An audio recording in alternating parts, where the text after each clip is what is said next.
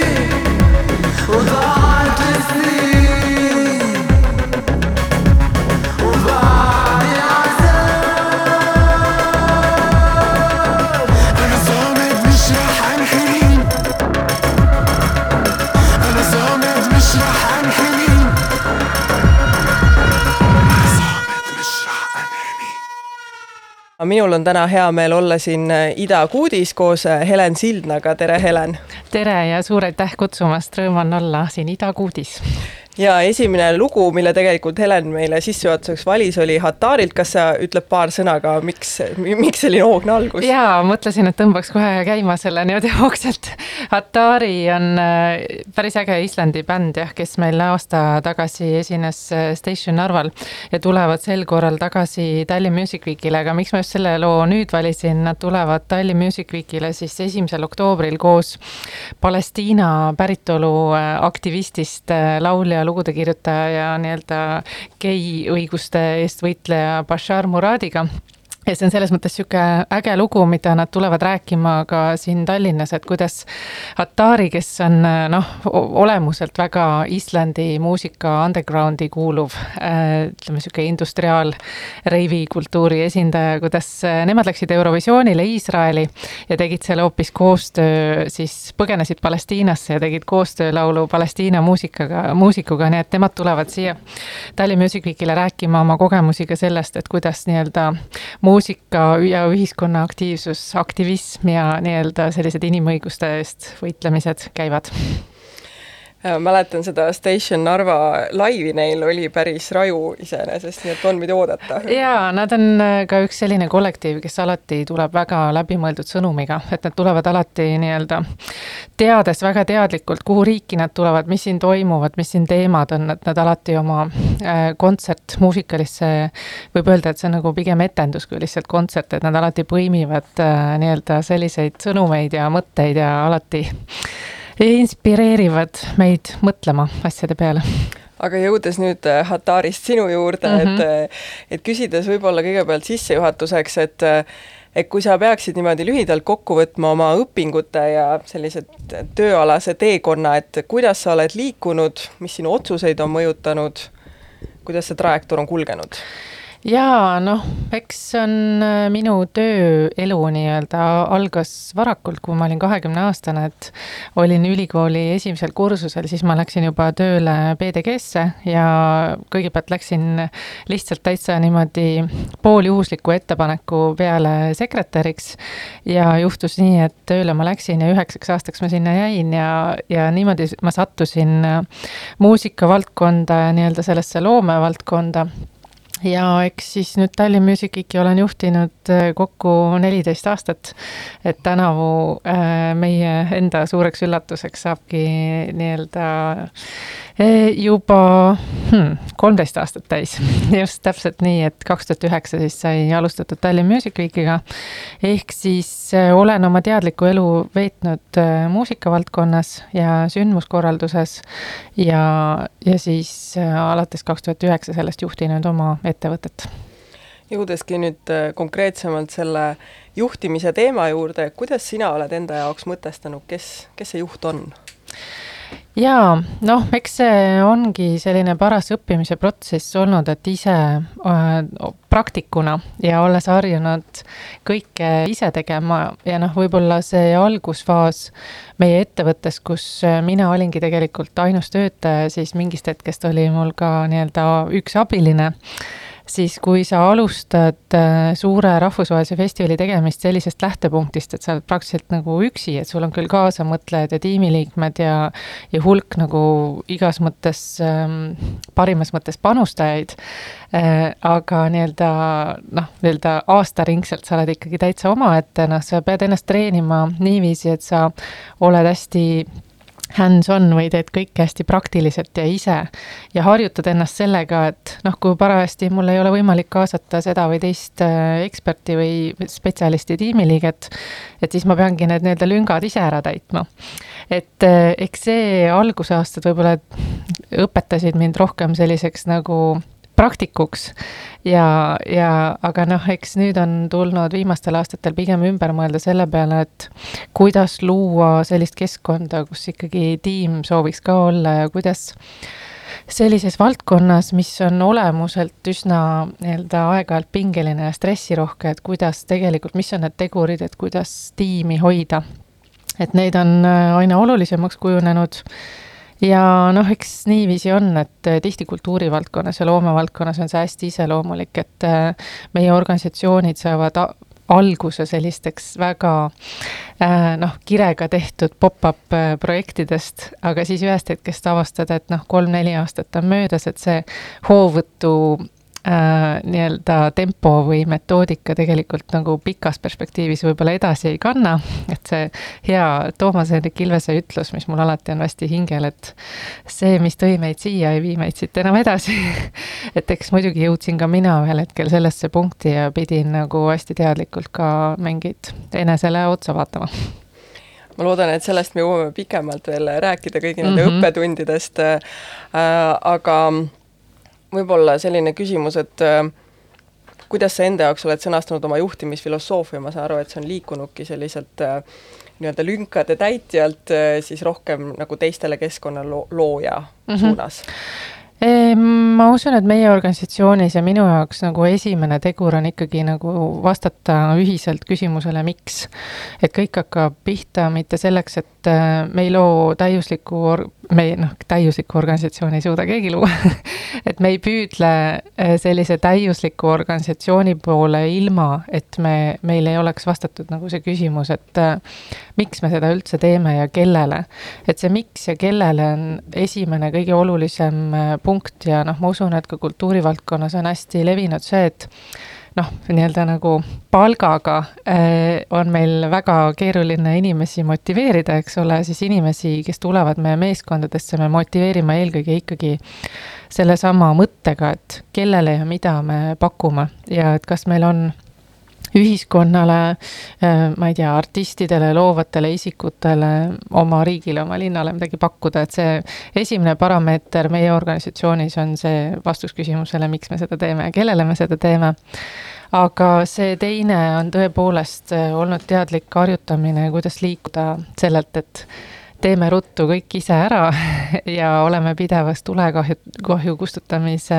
nii-öelda lähtelöögi asendis. kuidas ikkagi liikuda selles suunas, et äh, me toetame inimesi, kes siin töötavad ja et meie valdkonnas võiksid inimestele tekkida ka nagu pikemad sellised karjääri trajektoorid. ja see ei tule loomulikult äh, niimoodi iseenesestmõistetavalt, et seda tuleb mõelda, planeerida ja selle nimel tuleb tööd teha, et, äh, et see vajab harjutamist mm. -hmm. mis on olnud sinu sellised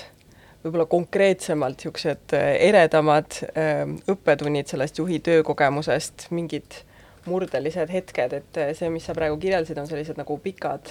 õppimise protsessid, aga et on sul tuua mõni selline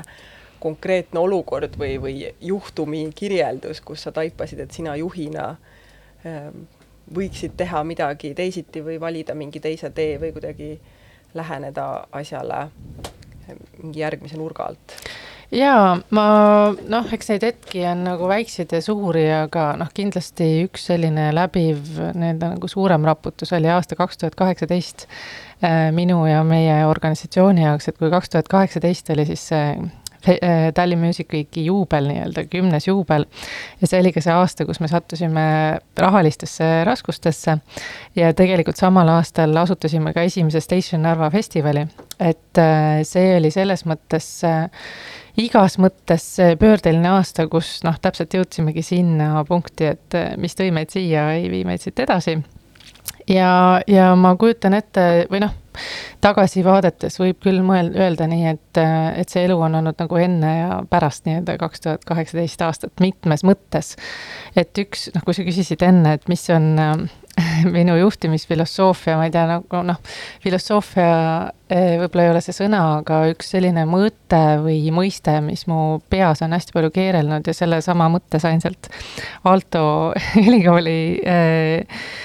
programmist, millest jõuame ka ehk pärastpoole rääkida, on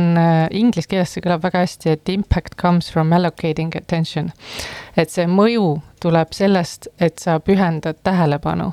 ja mitte just nimelt nagu aega, noh, aega ka loomulikult, aga mõju tuleb sellest, et sa pühendad tähelepanu. ja see lause nii-öelda nagu mingis mõttes pani võib-olla paika minu jaoks mitu asja, et et kui sa juhina number üks, kui sa nagu ei, ei reserveeri nii-öelda tähelepanu momente sellele, et sa nagu vaatad, mis su tiimis toimub ja kuidas inimesed hakkama saavad ja ja kas nad tunnevad ennast hästi ja ja kuidas sa noh, näed neid organisatsioonis järgmise aasta ja paari järgmise aasta jooksul. et kui sa sellele tähelepanu ei osuta, siis see on nagu loodusseadus praktiliselt, midagi läheb seal nagu valesti, on ju. et juhuslikkuse peale, noh, vahel asjad klapivad mingites perioodides ka juhuslikult hästi, aga noh, need on sellised nagu perioodid siis. ja teine asi samamoodi, et kui sa väga teadlikult nii-öelda iganädalase regulaarsusega ei osuta tähelepanu täpselt samamoodi ka sellele finantsolukorrale, siis ega ta ise nii-öelda nagu koos ei püsi. et, et ehk siis kaks tuhat kaheksateist sai noh, mina juhina pidin väga selged sellised äh, otsused tegema just nagu, millele mina pühendan tähelepanu ja nii-öelda hea enesekontrolli küsimus on üldjoontes alati see, et mis on need asjad, mida ainult mina saan teha ja mitte keegi teine ei saa teha? et see on niisugune hea aus küsimus, mille, kui sellele nagu püüda vastata, siis äh, leiad alati üles need asjad, et mis just täna oluline on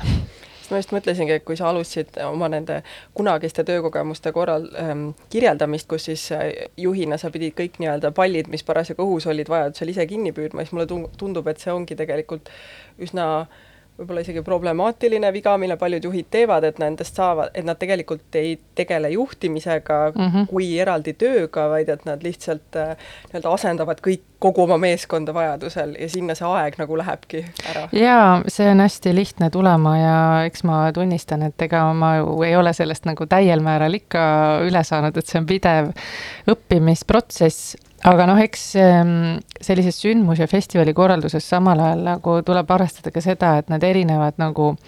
käigud või mode'id või tempod, eks need nagu vahelduvadki. aga mida sa juhina, noh, vahel tekibki olukorda, noh, mida on võimendanud loomulikult seesama Covidi tekitatud olukord, et äh, kui on ikkagi nii-öelda nagu kriis, siis sa lähed ja liigud ka sinna nagu frontline'i. et äh, nii, nüüd on hästi vaja nagu selline operatiivne nagu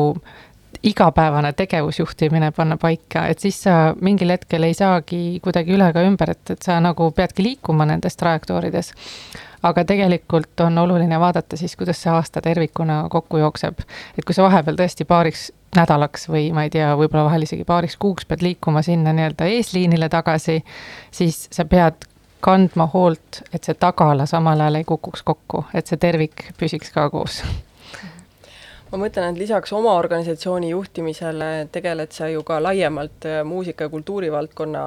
eestkõnelemisega ja võib-olla mingite poliitikate kujundamisega ja nii edasi, nii edasi, kuidas sa proportsionaalselt äh, jagad sellist oma ühiskondlikult kasulikku tööd ja siis seda reaalset äh, nagu igapäevast organisatsiooni juhtimist. jaa, et kui kõik oleks väga hästi paigas, siis ma hea meelega jagaks seda noh, enam-vähem nagu vanasti kiriku kümnist maksti et, et kümme protsenti et eh, no vot, see on tegelikult midagi väga ilusat on selles reeglis, et anna ühiskonnale nagu kümme protsenti tagasi sellest, mis sul on. et anna ka aega eh, omaenda noh, kõige kallim ressurss, mis meil on, mingis mõttes ongi nagu aeg, eks ole, ja kuidas me seda kasutame, et et kui sul üheksakümmend protsenti sinu tööajast läheb sinu enda ettevõtte või organisatsiooni juhtimisse, siis nagu anna tagasi ka sellesse vundamenti või sellesse struktuuri, ehk noh, mingis mõttes kultuuripoliitika on ju see vundament, kus me, kasvulava, kus me kõik nii-öelda tegutseme, et see on siis meie keskkond või meie tegevusruum. seega ma ei kujutakski ette, et ma sellesse üldse mitte ei panusta äh, sest see mõjutab nii otseselt ju seda, millised otsused tehakse, millises keskkonnas me tegutseme, millised võimalused meil kõigil on. seega ma olen algusest peale alati aktiivne olnud selles aga nüüd sinu, vastates sinu küsimusele, et milline on hea proportsioon, et kui palju, millesse panustada, eks samamoodi see, see epideemia pandeemia. Äh, Covidi pandeemia on äh, samamoodi visanud ka selle paigast ära, et et kui sa saad aru, et asjad hakkavad nagu laias skaalas nagu väga kiiva kiskuma, siis see tegelikult on lahutamatus seoses ka sinu enda organisatsiooni käekäiguga, nii et mingist hetkest sa tegelikult enam ei eristagi, et kumba sa lahendad, et kas sa lahendad omaenda organisatsiooni tulevikku või oled eeskõneleja kogu valdkonna jaoks, et see teeb nagu sama välja mm. -hmm. aga kui nüüd korraks äh, mõelda mitte ainult pandeemia kontekstis, vaid juhtimisele kultuurivaldkonnas äh, üldiselt, et kuidas sul on tunne, et selle teemaga läheb, et ka, kuidas seda juhiametit mõistetakse, väärtustatakse, sellele tähelepanu pööratakse? no vot, ega ma ju olen nii-öelda ise hakanud aktivist, et äh, noh, nii-öelda sellises avaliku huvisse sekku, dialoogi sekkuvatest organisatsioonidest ma olen küll Music Estonia juhatuse liige ja üks äh, asutaja juhatuse liikmeid ka, et äh, noh, eks need äh, valdkondlikud arendusorganisatsioonid on ju ka tegelikult loodud selle mõttega, et olla osa sellest dialoogist. aga noh, mingis mõttes noh, olla see eestkõneleja ei ole antud olukorras olnud selline ametlikult kuidagi valitud või saadud roll, et see on nagu pigem mingi tunnetus, et kui sa näed, et kuskilt hakkab midagi nagu vasakule keerama ja sa tegelikult tunned seda skeenet ja seda valdkonda ja sa vestled inimestega ja sul nagu see pilt rullub päris hästi lahti, et millised probleemid on kõigil ja mis on see ühisosa ja kuidas me seda saaksime lahendada, siis äh, noh, on raske mitte nii-öelda sõna võtta mm. -hmm. aga mida see noh, kui vastata küsimusele, et mis seis on siis äh, mul on hea meel, kui kultuurivaldkond üldse ei lase juhtuda sellele, et me sattume sellise nagu passiivse ohvri rolli, et me laseme teha otsuseid meile et äh, see on see, mille vastu ma nii-öelda põhimõtteliselt olen. Äh, et ma arvan, et see nii-öelda valdkonna poliitika või need otsused, kuidas, mis iganes, olgu need piirangutega seotud või tuleviku rahastusega seotud, et see kõik on ju selleks, et meie valdkond areneks, seega me ei saa lasta neid otsuseid teha passiivselt meile, me peame olema osa sellest otsustusprotsessist. ja noh, eks nende poliitilistes diskussioonides osalemisega on alati nii, et ikkagi jõuga tuleb ennast sinna pressida et noh, muidugi kutsutakse ka ja noh, tänapäeva meie see kaasa, kaasamiskultuur Eestis on üldiselt ikkagi olulisemalt paremas olukorras kui kümme aastat tagasi. et, et täna see harjumus, et ka noh, Kultuuriministeerium ikkagi nagu kutsub sihtgrupid kokku ja see mõistmine, et et äh, sihtgruppide kokkukutsumisel laiapõhjalisus on täiesti väärtus omaette, mida peab jälgima. et see ei ole ka nagu loomulikult tulnud, ka seda on nii-öelda pidanud nügima vaikselt. aga noh, tegelikult on asjad ikkagi pigem hästi, et äh, valdkonna häält soovitakse kuulda, aga selleks valdkond peab olema ise organiseerunud, et see hääl konsolideerida ja selgeteks arusaadavateks prioriteetideks hääldada, et see on selge, et avalik sektor ei suuda kunagi kõneleda kõigiga, et see on lihtsalt teostamatu mm. -hmm aga liikudes nüüd selliselt laialt vaatelt äh, tagasi kitsamale, et äh, küsiksin tegelikult sinu enda organisatsiooni kohta, et äh, et kui, võib-olla sa natuke räägid sellest vaatest, et kui suur see on, palju teil inimesi on, ähm, kõrvalt vaadates jääb mulje, et see on selline taevakeha, mis, eks ole, vahepeal paisub ja siis jälle mm -hmm. tõmbab kokku, aga et, et kuidas sa ise näed, et kui eh, suur, mis dünaamikaga, milliste rütmidega mm -hmm. sinu organisatsioon on? jaa äh,, täpselt nii ongi, see on äh, nii ilusasti öeldud, et nagu taevakeha, mis aeg-ajalt paisub ja kahaneb kasvab ja kahaneb, et me oleme jah, nagu see selline hoovus et äh, noh, aastas, nüüd meil on kaks festivali, et äh, Tallinn Music Week ja Station Narva ja ettevõte siis, mis neid kahte festivali juhib, aga ka muid projekte teeb, nii kontsertprojekte kui ka erinevaid kommunikatsiooni ja ka aeg-ajalt selliste kultuur, kultuuristrateegia loomeprojektides osaleb. et äh, see tõesti, see organisatsioon kasvab ja kahaneb ja kõige rohkem kasvab ta siis vahes, vahetult enne Tallinn Music Weeki. meil on püsitiim äh, viis inimest kes on siis äh, püsikohaga meil Valgal põhitiimis. Need viis inimest on alati seotud äh, nende suuremas osas kõigi meie projektidega, aga meil on ka hooajaline, ka üsna sellise püsiva iseloomuga tiim, et kes on äh, nii-öelda vabakutselised ja kes aeg-ajalt liiguvad ära ka teiste ettevõtete ja tegemiste juurde, noh näiteks nagu meie suurepärane muusikaprogrammi juht Roman Demtšenko, kellel on oma äge muusikaagentuur Damn Loud Agency, kes tegutseb ka Seata äh, baari programmi juures. et meil on sellised nii-öelda nagu meie perekonna lahutamatud osad, kes äh, omavad küll oma ettevõtteid ja tegevusi, aga noh, nii-öelda tulevad siis meiega kampa mingites hetkedeks ja noh, suurem paisumine Tallinn Music Weeki puhul ongi vast see, kui me koos oma programmipartneritega, ma arvan, meie niisugune teostav tiim on lõpuks kokku ligi sada inimest. ja koos vabatahtlikega, noh, vabatahtlikke on meil kuskil kakssada siis sinna hulka. E, et vot, et see, see selline skaleerimine nende erinevate nii-öelda moodulitega, et sul on nagu permanentselt viis, aga aeg-ajalt paariks kuuks kasvab nii-öelda mitusada ja nüüd noh, koroona ajal on see nagu kogu aeg edasi-tagasi nagu paisunud ja kahanenud, midagi lükkad edasi, siis vahepeal nagu mõned pane-, inimesed jäävad pausile, siis mõned tulevad juurde, et et noh, see, see tegelikult ka energiat nõudeb, aga no eks see on sinna valemisse sisse kirjutatud ja ega teist varianti ei olekski, ei oleks võimalik eh, püsitöökohta kahjuks eh, rohkematele pakkuda. Ja ma arvan, et nii on optimaalne ka, et noh, mingis mõttes, kui me räägime tulevikutööst, siis äh, ma arvan, et see ongi täiesti loomulik, et äh, inimesed niimoodi tõmbuvad ja tõukuvad sellisteks dünaamilisteks äh, loovtiimideks. Ja võib-olla mingist hetkest ei olegi enam nii oluline, et kus sa nii-öelda palgatööl oled, noh, ma ütlen loovvaldkonnas ka, vaid et äh, sa nii-öelda tegeledki mingi poole aastast mingite ühte tüüpi asjadega, võib-olla teise poole aastast teistega ja tegelikult see on huvitav selline kasvamise meetod ka, et äh, seda nii-öelda rutiini mida noh, meie valdkonnas üldse tihti ei teki et, et sa õpid erinevatest organisatsiooni dünaamikatest, et see on huvitav aga kas see põhitiim, see viis inimest, kas see on üsna liikuv või see on olnud sul pikemat aega, et see on tõesti nagu sinu niisugune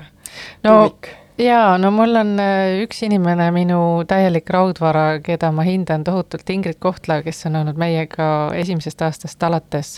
Äh, noh, esimestel aastatel ka mitte nii-öelda nagu täiesti sada protsenti püsitiimi liige, tal oli ka erinevaid äh, töökohti ja funktsioone ka varasemast ajast, aga tema on jäänud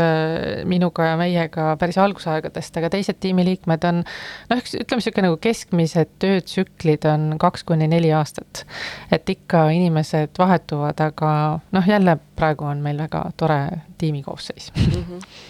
ma mõtlengi, ma vist arvasin tegelikult, et püsitiim on palju suurem isegi, et äh, kuidagi ei, ei, ei ole, noh, selles mõttes, et eks see püsitiim mõiste on ka nii ja naa, et kuna praegu Tallinn Music Week pidi toimuma maikuus, eks ole, et siis seesama nii-öelda tiimi koosseis, kes praegu alustas tegelikult oktoobris, ongi saanud terve aasta meiega ära teha, sest ka need ähm, vabakutselised tiimiliikmed, kes tulid meile appi maikuuks, on õnneks, meie suureks õnneks ja ma olen tohutult tänulik neile, on saanud oma tööaega meiega pikendada, nii et nagu poole aasta asemel nad lõpuks on meiega siis nagu aasta. ja noh, siis tuleb tegelikult uus Tallinn Music Week otsa mai, maikuuks, nii et äh, loodame, et annab taas pikendada aga küsin piiride tõmbamise kohta, et töötades sellise pisikese tuumiktiimiga ja, ja suur osa sinu tööst on suhtlus erinevate osapooltega, et kuidas sa tõmbad või kas sa tõmbad piiri kolleegide ja sõprade vahele ja selles mõttes töö ja vaba aja vahele mm -hmm.? noh, siin võib isegi veel laiemaks seda ringi ajada ka erinevad nii-öelda partnerid, et noh, tihti meie koostööd meie selliste lähi toetajate, partneritega on ikkagi ka päris intensiivsed või sellised nagu lähedased koosmõtlemised, et äh, see ei ole nii, et keegi on nii-öelda noh, justkui piltlikult sponsor ja ta on väga distantseeritud, et meil on ikkagi oma partneritega ka väga palju sellist koos arendust toimub äh,. inimesed meie ümber ja suhted nendega minu puhul vist on rohkem seotud sellega, et äh, see on mingi selline äh, ühine tunnetus või vere, vereringe või ei oska öelda, selline nagu tunnetuslik sobivusküsimus. et äh, ei ole kindlasti mitte e-, eesmärk olla kõigiga nii-öelda sõbrad ja mida aeg edasi, seda rohkem ma ma tunnen, et me kõik tiimiliikmetena vajame ikkagi seda, et me liigume sellest seltskonnast äh, eemale õhtul oleme nii-öelda mingite teiste sõprade, teiste inimestega ja meil on see täiesti teine suhtlusruum ka. aga kindlasti me oleme väga nii-öelda ühtemoodi hingav, ühe väärtusruumiga nii-öelda kaasvõitlejad. E, ja meie suhted on selles mõttes parimas mõttes nagu ausad, läbipaistvad, äh, lähedased ja me väga meeldime kõik üksteisele et seda on juba päris palju et, et see on, see on nagu väga selline hea, hea tunne, mis meil omavahel on, aga aga me hindame ka seda, et me saame aru, me anname üksteisele vabadust, et nädalavahetusi ja kõiki õhtuid me koos ei veeda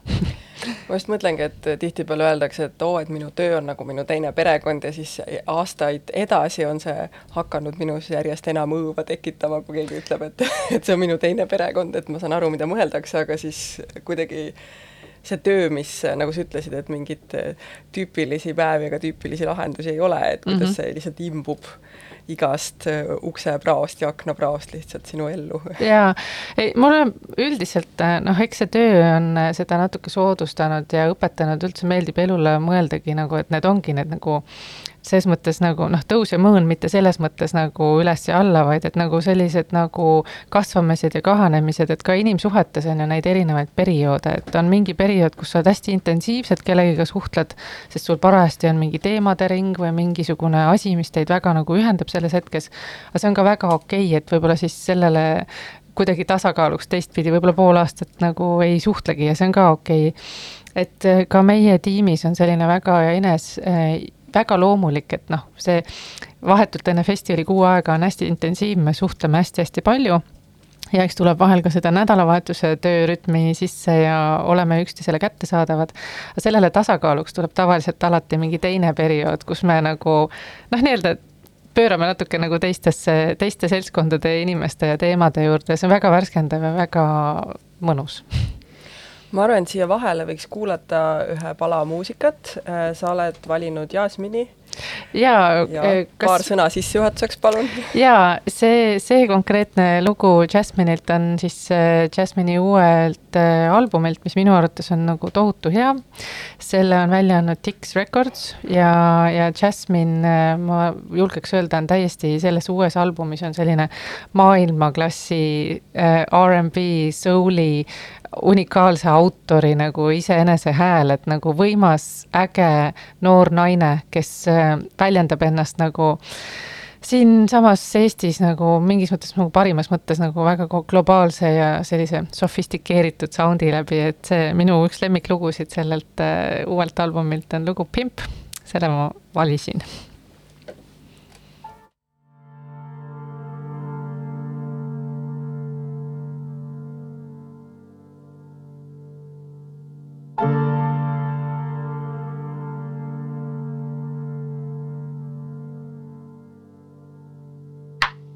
As I sit by the fire, sipping on this fine wine,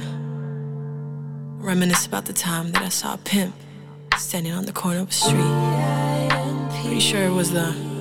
34th Street. You know, the jazz club at? yeah, that's the one. Anyways,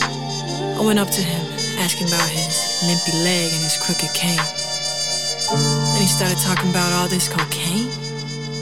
And as they say, if he got a runny nose, he got a lot of hoes. but I don't see it though. Baby, all I see is a dead rose. And it shows. You wanna know why? He said, Tell me, tell me, baby. So then I said, You walk like a pimp, but you talk like a hoe. You already know there's something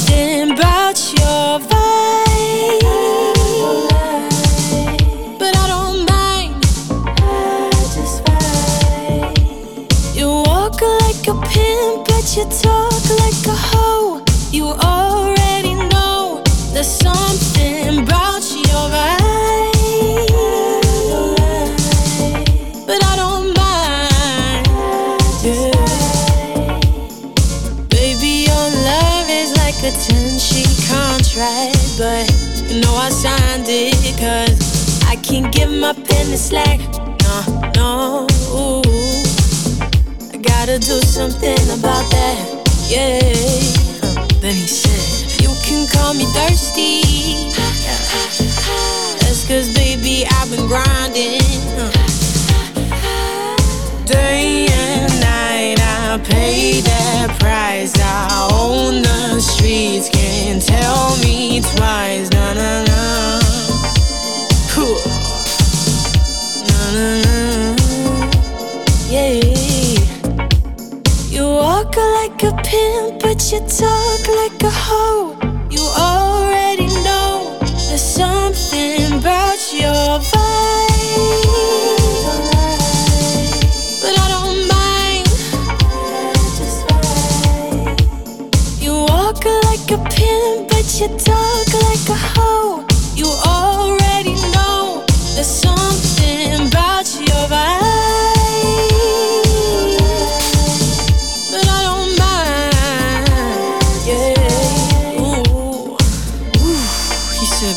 This pimping ain't easy. Taking care of you got me sweating like crazy. You gotta cut me some slack, girl. I ain't got no more tricks up in my sleeve. I said, what you mean, what? You a goddamn PIMP.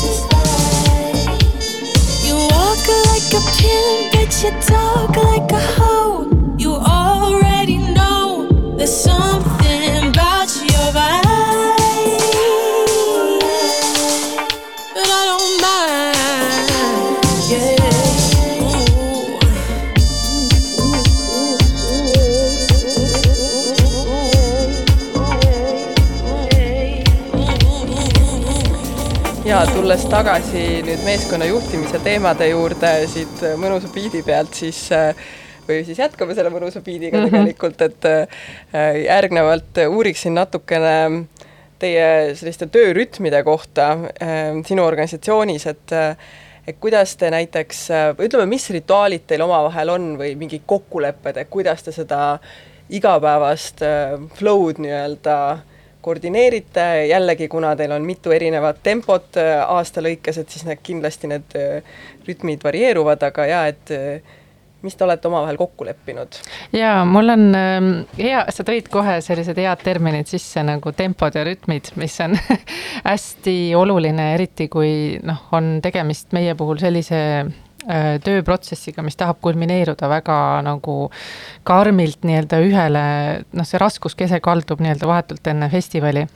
seega see väga teadlik tegevuste hajutamine aasta peale laiali, nii et sa nagu juhina tegelikult pead võtma selle vastutuse, et see ei äh, kulmineeruks ainult sinna lõppu. seega see on sinu ülesanne juhtida seda nii, et see on siis nii-öelda nagu etappideks jaotatud ja etappideks äh, hajutatud. Äh, teemad, millest me oleme viimasel ajal hästi palju rääkinud ja noh, võib-olla kultuurivaldkonnas üldse võiks palju rohkem rääkida sellest, et äh, noh, loovus versus distsipliin see, see on nagu huvitav teema, et vahel eriti inimesed, kes tulevad teistest valdkondadest väljapoolt, need kujutavad ette, et noh, meil on tohutu selline nagu mingi loov kaos kogu kogu aeg. palang, palang otsa. jaa, eks ole, just täpselt, on ju. aga aina rohkem me räägime tegelikult sellistest ähm, sõnadest nagu noh, distsipliin ja nii-öelda igas mõttes info ja kokkulepete hügieen ja sellised nagu lõpetatus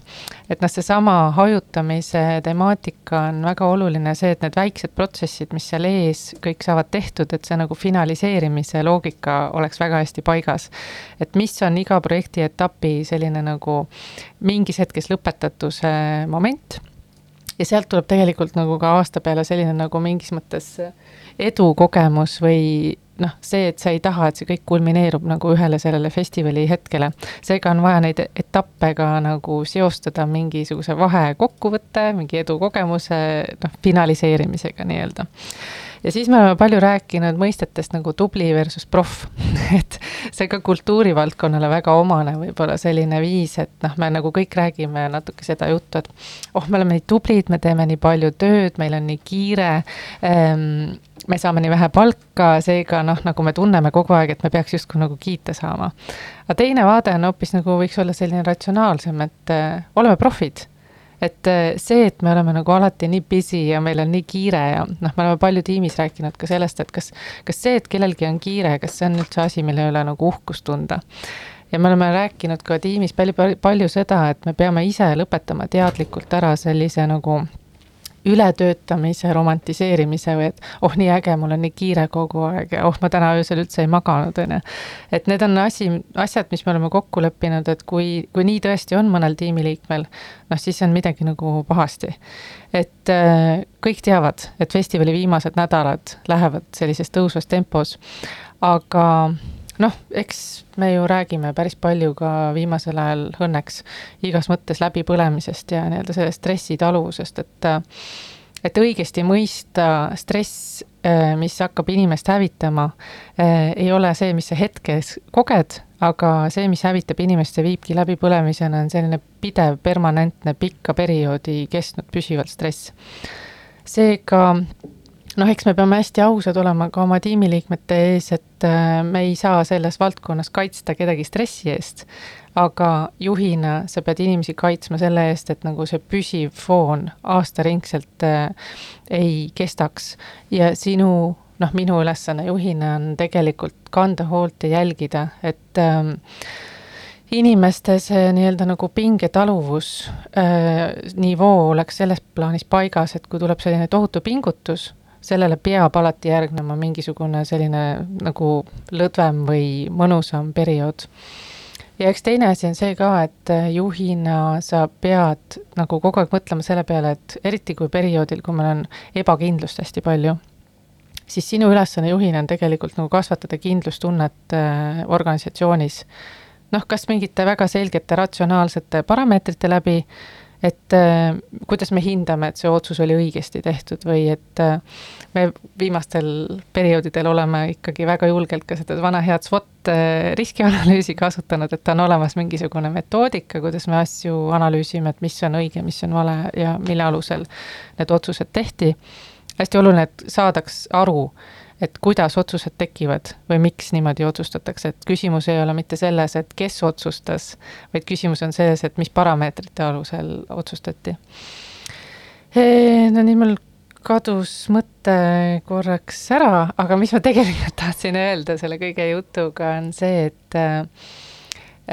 seesama vana hea müüt ka, et mis me oleme tihti väga uhked, et me oleme multitaskerid, eks ole. et see on ka täielik jama, et see multitasking, see on ammu tõestatud teaduslikult, et meie aju ja meie aju nii-öelda see connectivity või need seospunktid meie neurosüsteemis töötavad niiviisi, et sa fokusseerid ja siis sa saad nagu ligipääsu põhimõtteliselt nendele teadmistele ja võimetele ja ressurssidele, mis sinus eksisteerivad seega noh, eks see on ka jälle juhi ülesanne püüda luua selliseid hetki, kus nagu tekivad need fookuspunktid. et äh, väga lihtne on organisatsioonis lihtsalt üksteist nagu pidevalt nagu ära hõivata selliste nagu tükeldatud äh, seoseta info, infokildudega. kas sa kasutad mingeid selliseid äh, äh formaliseeritud äh, nagu formaate ka, formaliseeritud formaate ka, nagu tagasisidevestlused või ma ei tea, firma suvepäevad või, või kuidagi jah. jaa, äh, no jah, me ei nimeta neid firma suvepäevadeks, aga kindlasti no ütleme need, et mis iganes selle formaadi nimi on, eks ikka on aeg-ajalt hea ja kasulik nii-öelda tulla kokku vahel ka niimoodi agenda vabalt. ja seda võib-olla ei olegi piisavalt palju viimasel hetkel saanud äh, noh, meil on vahel niiviisi, et selline huvitav moment meie tiimi dünaamikas, et me kõik tunneme ennast nagu kuidagi hästi vabalt ja mõnusalt, kui me läheme Narva korraldama. mis siis, et see on seotud ka nii-öelda tööülesannetega, aga me kuidagi see bonding või koos tegemine saab seal alati nagu mingi teise varjundi, et see mingil huvitaval moel töötab meie jaoks. Äh, arenguvestlused on äh, hästi olulised. Äh, võib-olla me ei ole piisavalt metoodiliselt neid teinud, aga see on väga oluline küll inimestega vähemalt kord aastas võtta niimoodi põhjalikult korraks nagu läbi, et äh, võtame aega, ma ei tea, lähme õhtusöögile, lähme lõunasöögile ja lihtsalt nagu räägime, tagasisidestasime, et kuhu me tahtsime jõuda, mis siis äh, nii-öelda, mis me, mis me tegime, mis me ei teinud, miks edasi, kuidas edasi. et see on hästi oluline ja hästi oluline on ka see, et noh, ma arvan, asi, mida kultuurivaldkonnas saab ka palju paremini, just mulle on väga hingelähedane olnud see karjääri trajektooride disainimine inimesele omaenda organisatsiooni sees. et kui sa noh, näit piltlikult, et kui sa tuled meile assistendiks ja oled olnud kaks aastat suurepärane assistent, et mis sind siis siin ees ootab, et mis võimalused sulle meie organisatsioonis üldse on nii-öelda nagu edasi arenemiseks, edasi liikumiseks? Et äh, seda kõike tuleb teadlikult ka mõelda ja läbi rääkida inimestega ja eks äh, on oluline ka leida oma tiimiliikmetega, noh, arenguvestlus on üks asi, aga oluline on ka nii-öelda regulaarsel baasil leida nagu selliseid nagu üks-ühele vestluse aegu, et ähm, mingisuguse perioodilisusega, isegi kui need on vahel nagu väga kiirvestlused, et olgu see mingi kümme või viisteist minutit, aga et sul on selle inimese ja konkreetselt tema teemade jaoks nii-öelda need, sa oled pühendatud nii-öelda nagu, et okei okay,, mõtleme nüüd koos, kas siin on mingeid takistusi, kas siin on mingeid teemasid, mis vajavad lahendusi, et need on nagu lemmikhetked mingis mõttes, kus noh, tiimiliikmed ise teavad ka, et nad nii-öelda valmistavad oma küsimused, teemad ette, okei okay,, nüüd võtame viisteist minutit, käime need kõik nagu läbi. et selline üks-ühele suhtlus äh, on hästi efektiivne ja võib-olla asi ka, mida ma, ma imestan, et nagu vahel nii hilja oma elus saad teada nii väikseid ja olu-, või noh, nagu selles mõttes, et nii lihtsaid, aga samas nii olulisi asju. Äh, üks äh, lause, mis mulle läks väga hinge ka sellest samast äh, noh, üldiselt Aalto koolis, väga lihtne asi. keegi õppejõududest ütles niisuguse lause, et noh, ja siis on olemas need juhid, kes arvavad, et nad juhivad protsessi nagu email'it memoga mina olin üks nendest mina arvasin alati, et mis me nagu raiskame aega, et ma saadan ühe täiusliku emaili, siin on ju kõik kirjas, et nagu lugege siit, on ju. et äh, ei, et sinu ülesanne on ikkagi nii-öelda nagu follow through või nii-öelda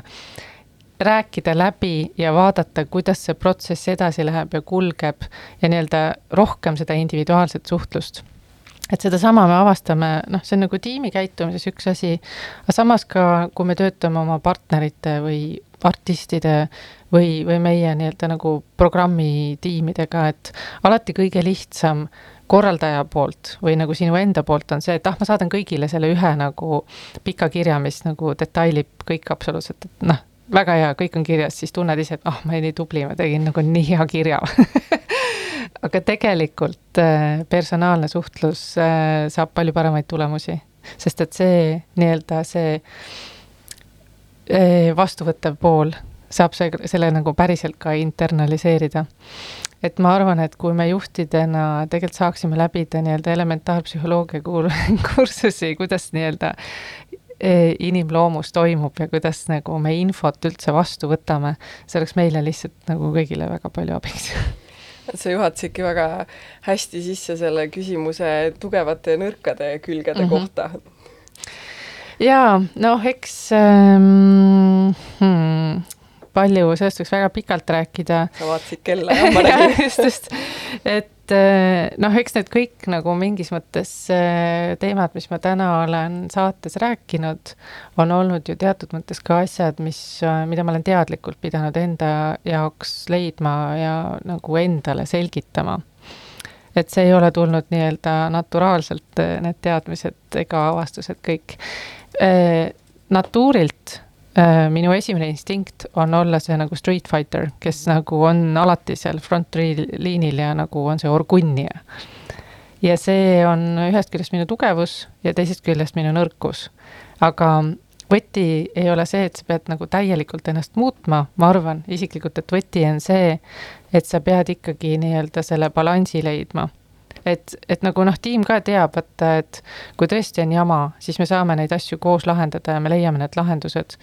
aga peaasi, et ei teki nagu see tunne, et, et tiim tunneb, et neil ei olegi mõtet nagu lõpuni pingutada või üldse nagu isegi mitte üritada, sest et noh, kui vähegi nagu huvitavaks nii-öelda läheb, et siis alati nagu kargab kuskilt nagu teisest toast välja mingi äh, action huviline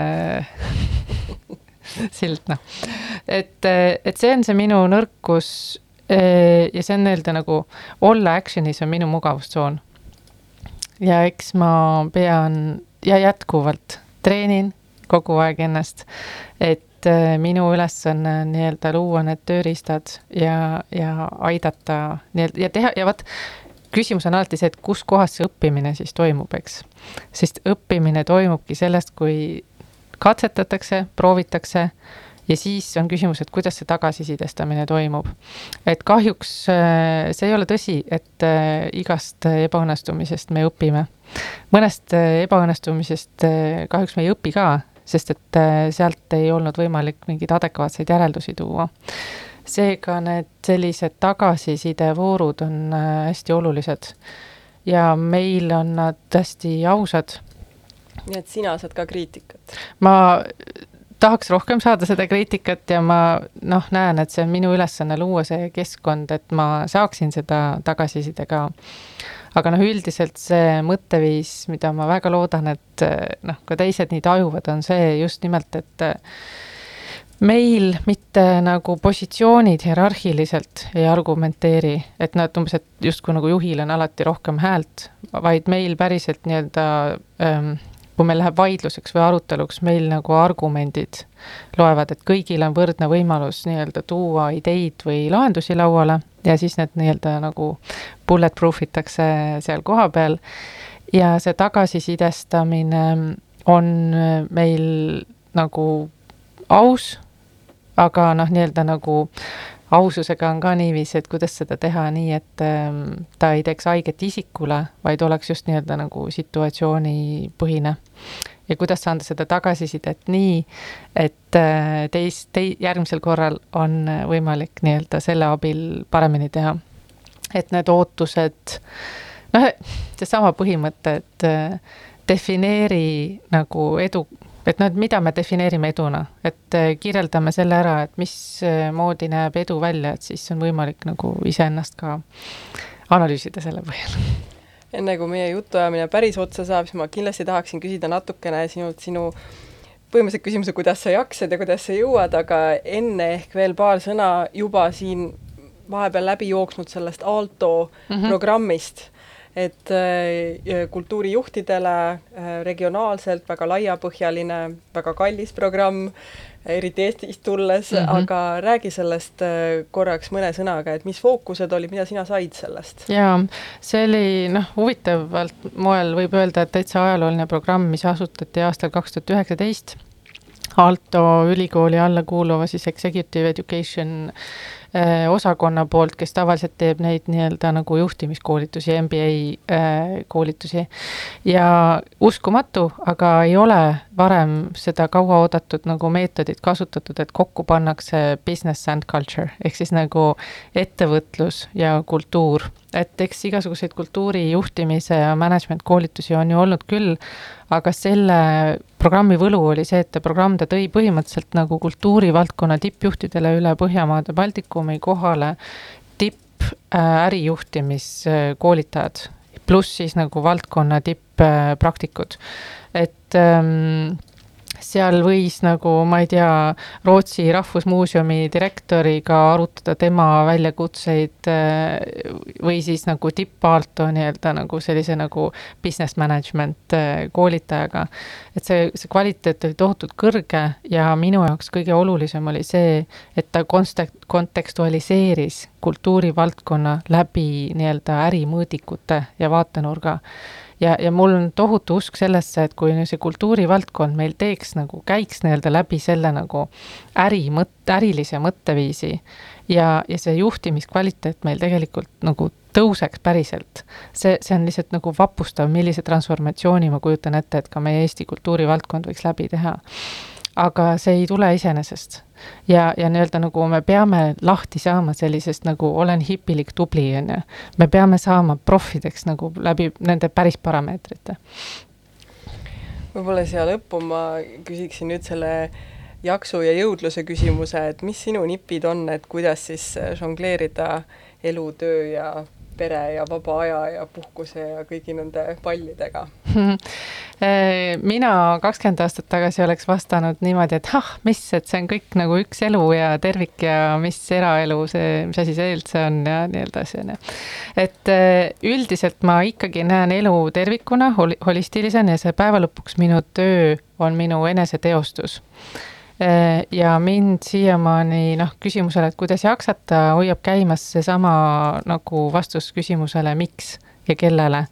et mind motiveerib äh, see, et äh, me saame kuidagi panustada, midagi ära teha, aga mind motiveerib ka see, et kogu aeg on ühiskonnas midagi muutumas ja me saame nagu festivalina, organisatsioonina nagu,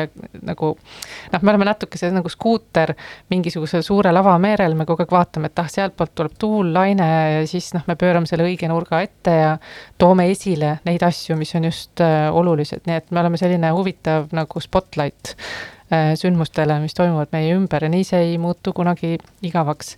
aga mis on oluline, on küll, on tegelikult endale täitsa teadlikult ikkagi täpselt kalendris, nii nagu kale-, kohtumisi planeerid, planeerida endale täpselt samamoodi ka vaba aega ja teisi tegevusi. hästi oluline on füüsiline aktiivsus äh, ja enda liigutamine, noh, nüüd õnneks me räägime sellest palju rohkem ja ma olen lihtsalt äh, ka keerulisel viisil pidanud saama teada, et äh, vaba aega tuleb samamoodi nagu kalendrisse panna.